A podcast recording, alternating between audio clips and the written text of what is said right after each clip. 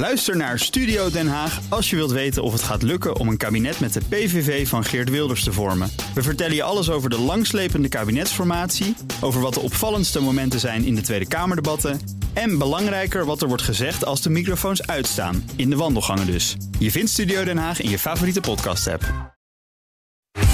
Tech Update. Je moet aan Martin Goos even bellen. Ja. Nou, inderdaad, ja.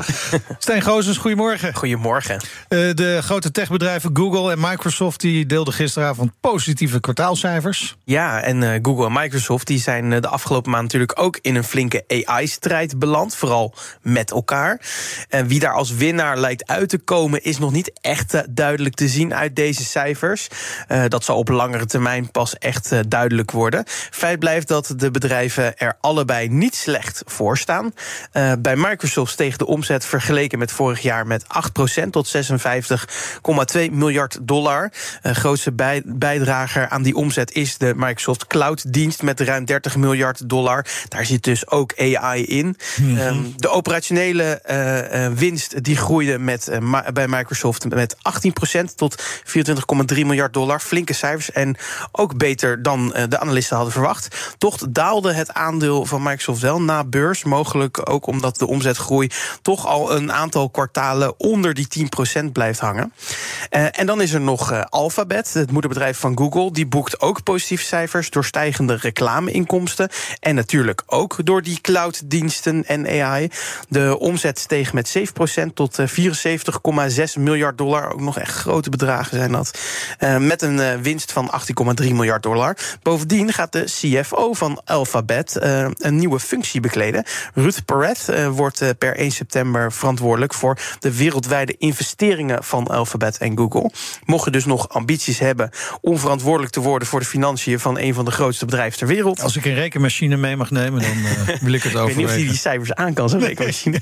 nou, er is in ieder geval nog een vacature te vullen als CFO. Om, kan altijd nog een AI erbij gebruiken. Ja, toch? wellicht dat ze ja. die gewoon kunnen vervangen voor een AI. Ja, precies. Dat zou maar kunnen. Ja, maar ik hoor in deze cijfers niet, want er zijn ook hele grote ontslagrondes geweest natuurlijk bij beide bedrijven. Hè? Ja. Dat, dat kan verklaren dat natuurlijk de omzet niet heel erg hard stijgt, maar de winst wel. Ja, precies. Dus eh, ja, er zijn natuurlijk een heleboel mensen weg daar, ja. ook om kosten te besparen. Ja, en daardoor kunnen dit zijn, ja, vallen dit soort cijfers ook gewoon mee. En je hebt natuurlijk een heleboel rentebesluiten geweest, die zijn natuurlijk ook geweest. Dus uh, ja, hoe dat echt uiteindelijk nog impact gaat hebben, dat kunnen natuurlijk de komende kwartalen ook weer uh, grote veranderingen hebben. Nou ja, AI, belangrijk onderdeel bij beide bedrijven. En OpenAI schapt de AI-herkenningstool die docenten moet helpen bij het opsporen van de AI-geschreven huiswerk. Zo, er was een hoop AI in één zin. Sorry, ik zal het volgende keer iets makkelijker opschrijven voor je. Laat het anders gewoon door AI doen. Ja, precies. En ja, OpenAI die werkt dus natuurlijk hard samen met, uh, met Microsoft. Maar die, die, ja, die heeft ook zijn eigen tools nog.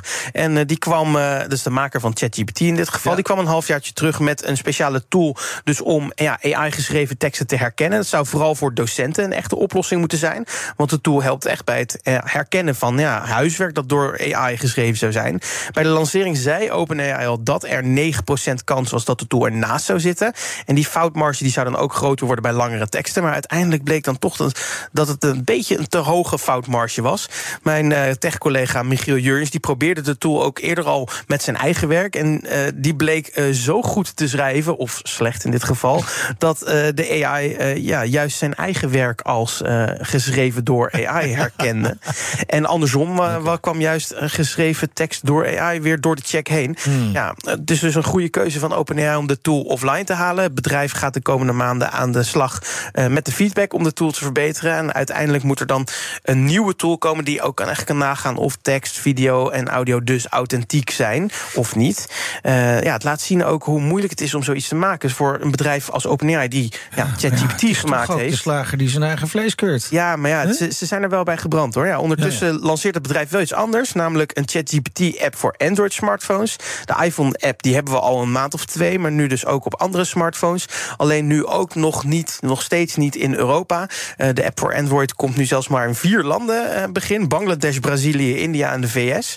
Bijzonder rijtje, uh, wellicht dat ChatGPT daar de meeste Android-gebruikers ja. heeft. En wanneer die dan in Europa komt, waarschijnlijk binnen de komende paar weken. Goed, nog even een korte vooruitblik, want vanmiddag om 1 uur ja. dan zit jij voor de buis. Nou, waarschijnlijk wel. Galaxy Unpacked event is dan. Dan kondigt Samsung haar nieuwste foldable smartphones, aanvouwbare smartphones. De vijfde generatie alweer. Ja, verwachtingen zijn niet heel groot qua wat er echt veranderingen zijn. Er zullen gewoon kleine veranderingen zijn.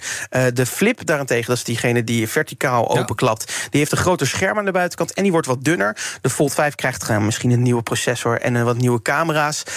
en er wordt nog een, een smartwatch en een nieuwe tablet verwacht. En daarover hoor je natuurlijk vanmiddag meer. Dankjewel, Stijn Gozens. De BNR Tech Update wordt mede mogelijk gemaakt door Lenklen. Lenklen. Betrokken expertise, gedreven resultaat.